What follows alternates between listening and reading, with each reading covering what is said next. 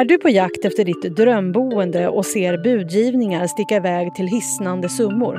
Ja, bostadsmarknaden fullkomligt kokar i Sverige just nu. Sen årsskiftet så har priset på villor budats upp med över 10% enligt statistik från Hemnet.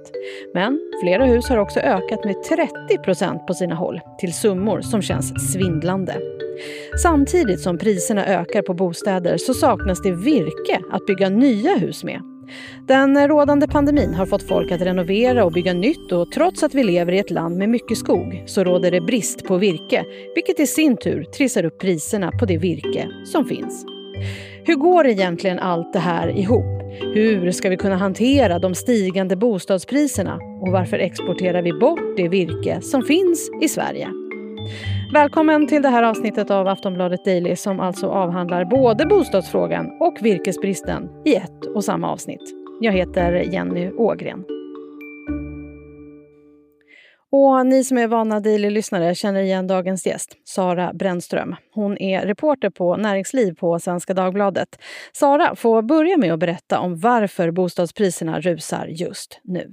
Ja, det som faktiskt eh, sticker ut mest är villor. Enligt mäklarstatistik som eh, samlar eh, prisstatistik från försäljningar i hela landet, där har villorna ökat med 19 procent på ett år och det är den högsta siffran som de någonsin har noterat. Och det finns ju flera skäl till de här uppgångarna. Det, vi har låga räntor och löften från Riksbanken om att eh, räntorna ska vara låga länge. Och sen har vi också sett stora stimulanser från Riksbanken och de påverkar bolånen så att de har legat still. Och ovanpå allt det här så har vi ju haft pandemin med hemarbete och delvis förändrade konsumtionsmönster. Ja, och det här har ju du och jag pratat om tidigare, eh, hur vi handlar annorlunda. Men eh, vad, är, vad säger du då, vad har hemarbetet lett till? Jo, fler köpare har vi accepterat att byta sin lilla lägenhet eller radhus till något större. Alltså man vill eh, hellre jobba med utrymme för att man jobbar hemma. Och det kanske är så att man också har barn som delvis har hemundervisning och då blir en liten eh, bostad väldigt trång. Och därför har människor också då accepterat att flytta lite längre ut och det här är något som mäklare har berättat för mig att de är väldigt förvånade över ibland att plötsligt vill alla bo i skogen. Och Sara, i vissa fall så har man ju till och med på villor sett ökningar på 30 procent från utgångspriset. Ja, äh, det är flera mäklare som jag pratar med också som är väldigt förvånade över hur vissa objekt och, har fått budgivningar som har verkligen dragit iväg och stuckit iväg så här.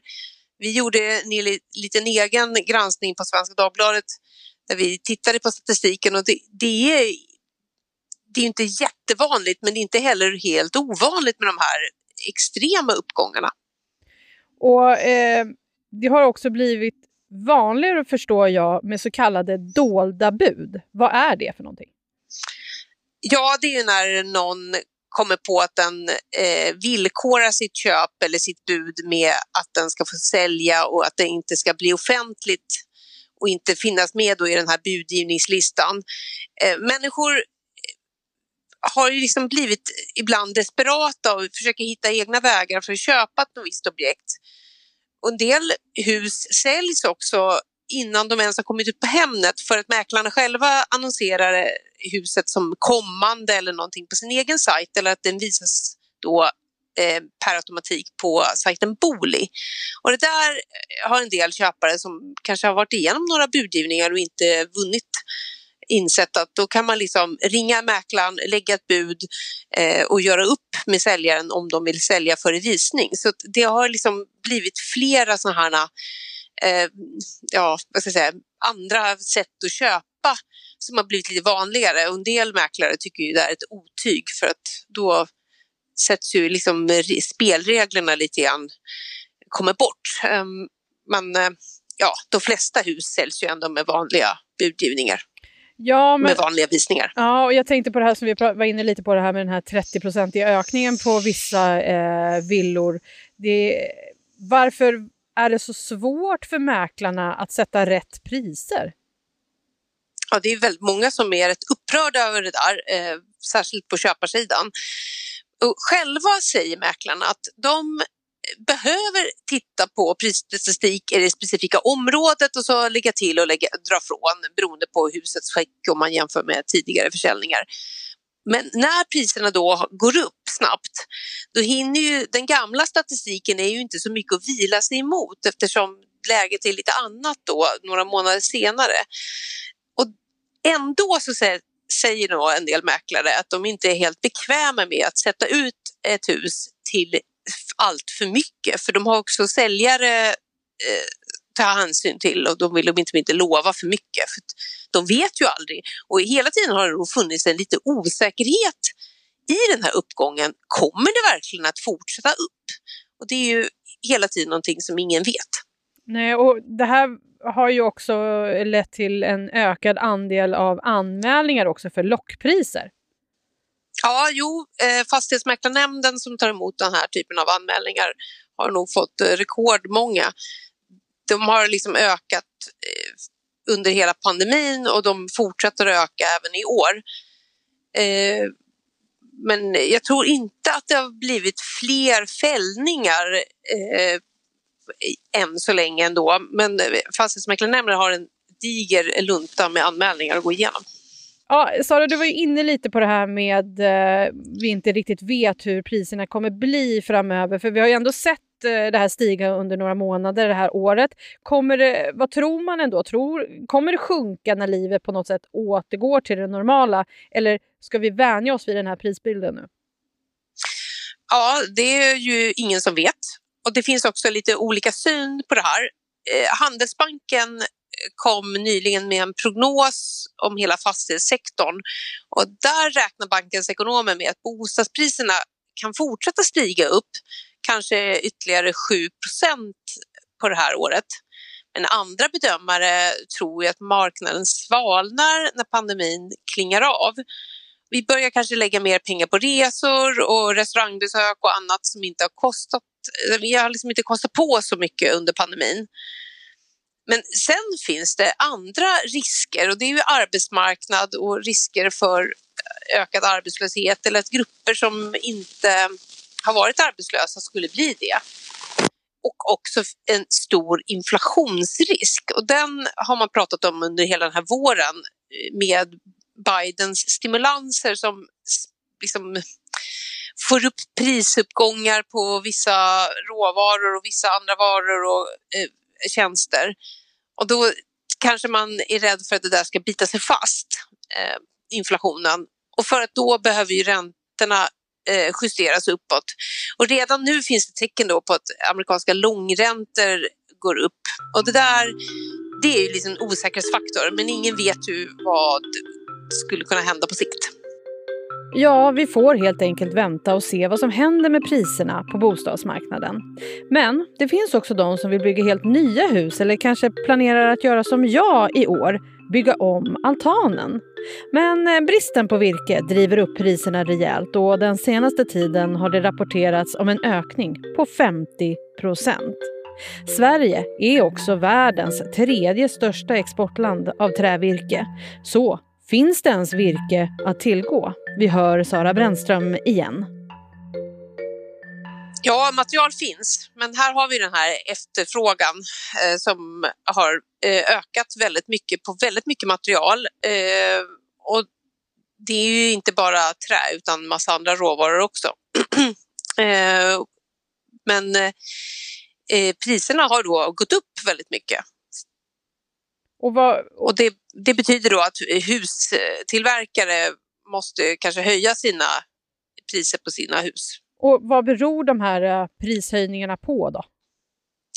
Ja, alltså initialt så drog ju väldigt många producenter ner på sin produktion under pandemin och då är lagren inte välfyllda och man har inte heller eh, liksom satt igång hela maskineriet på full kapacitet utan man har gått under pandemin på liksom lågvarv. Och sen nu när efterfrågan kommer igång på allvar så finns det liksom ett glapp här emellan eh, den här ökade hunger efter varor och den eh, låga produktionen. Mm. För det, det, är ju ändå så, Sara, vi bor i ett land som man kan tycka har hur mycket skog som helst. Hur kan det vara en bristvara? Ja, just det. Det är ju det där med att vi är en del av en omvärld. Eh, och efterfrågan på sågade trävaror är ju stor i många länder. Och en hel del som produceras i Sverige går ju såklart på export. Och då när efterfrågan är större än tillgången, ja då blir det brist och priser höjs. Och när det gäller trä och timmer eh, har ju också flera andra producentländer, likt Sverige, haft problem med den här granbarkborren. Och det har ju då minskat tillgången på gran. Och samtidigt har Kanada, som är en stor producent, eh, haft ett exportstopp. Och det har gjort att amerikanska marknaden behövt köpa trä från andra länder. Och sen har ju trä blivit väldigt populärt i den här klimatomställningen och att trä liksom efterfrågas på ett sätt som kanske det inte gjordes tidigare. Allt det här sammantaget och driver upp priserna Okej, vi tar och pausar lite snabbt här bara för att informera om vad granbarkborre är för något. Jo, det är en ungefär 4 mm liten skalbagge som kan döda friska granar. En granbarkborre kan lukta sig till en stressad gran och angriper då granen och börjar äta upp den, vilket gör att granen till slut dör. Så, då återgår vi till avsnittet igen. Sara fortsätter berätta om hur mycket priserna faktiskt har ökat. Ja, eh, om man tittar på världsmarknadspriserna och så ser man ju eh, att terminspriser, det är visserligen inte samma priser som det vi köper i en vanlig butik, men eh, de har eh, stigit över 290 procent på ett år. Så det är väldigt kraftiga stigningar.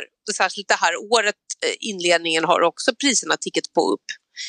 Ehm, och det här märks ju såklart även för konsumenter när vi besöker vår vanliga brädgård, att vanliga trallvirke och lister och allt möjligt annat är mycket dyrare än vad det var för ett år sedan. Så eh, menar du, eller borde man egentligen bygga om sitt hus eller bygga ny altan nästa år istället? Ja, det är ju jättesvårt att säga vad som kommer att ske i framtiden. Eh, virkespriser skiftar ju såklart och eh, en del tror ju nu att man kommer igång med alla sågverk och när priserna är höga så vill man nu kanske sälja mer timmer också och passa på att avverka. Och, och då blir ju också det ett, ett utbud som är större. Så att, ja, hur lång tid det tar för de här obalanserna att komma i balans igen, det är ju väldigt svårt att säga. Men det här Eh, enorma toppen som vi såg i början på maj, jag tror det var 10-11 maj någonstans, eh, den, därifrån har priserna fallit en del på, eh, på världsmarknaden. Så det finns en del som menar att eh, de här priserna kommer att plana ut eller jämna ut sig bara det går en tid. Men sen dröjer det såklart innan det får genomslag i din och min brädgård. För att eh, de har ju sina inköp och det tar ju liksom tid, både uppgång och nedgång, att de här priserna justeras. Sist här hörde vi Sara Brännström som är reporter på Näringsliv på Svenska Dagbladet. Jag heter Jenny Ågren och du har lyssnat på Aftonbladet Daily. Vi hörs snart igen. Hej då! Du har lyssnat på en podcast från Aftonbladet. Ansvarig utgivare är Lena K Samuelsson.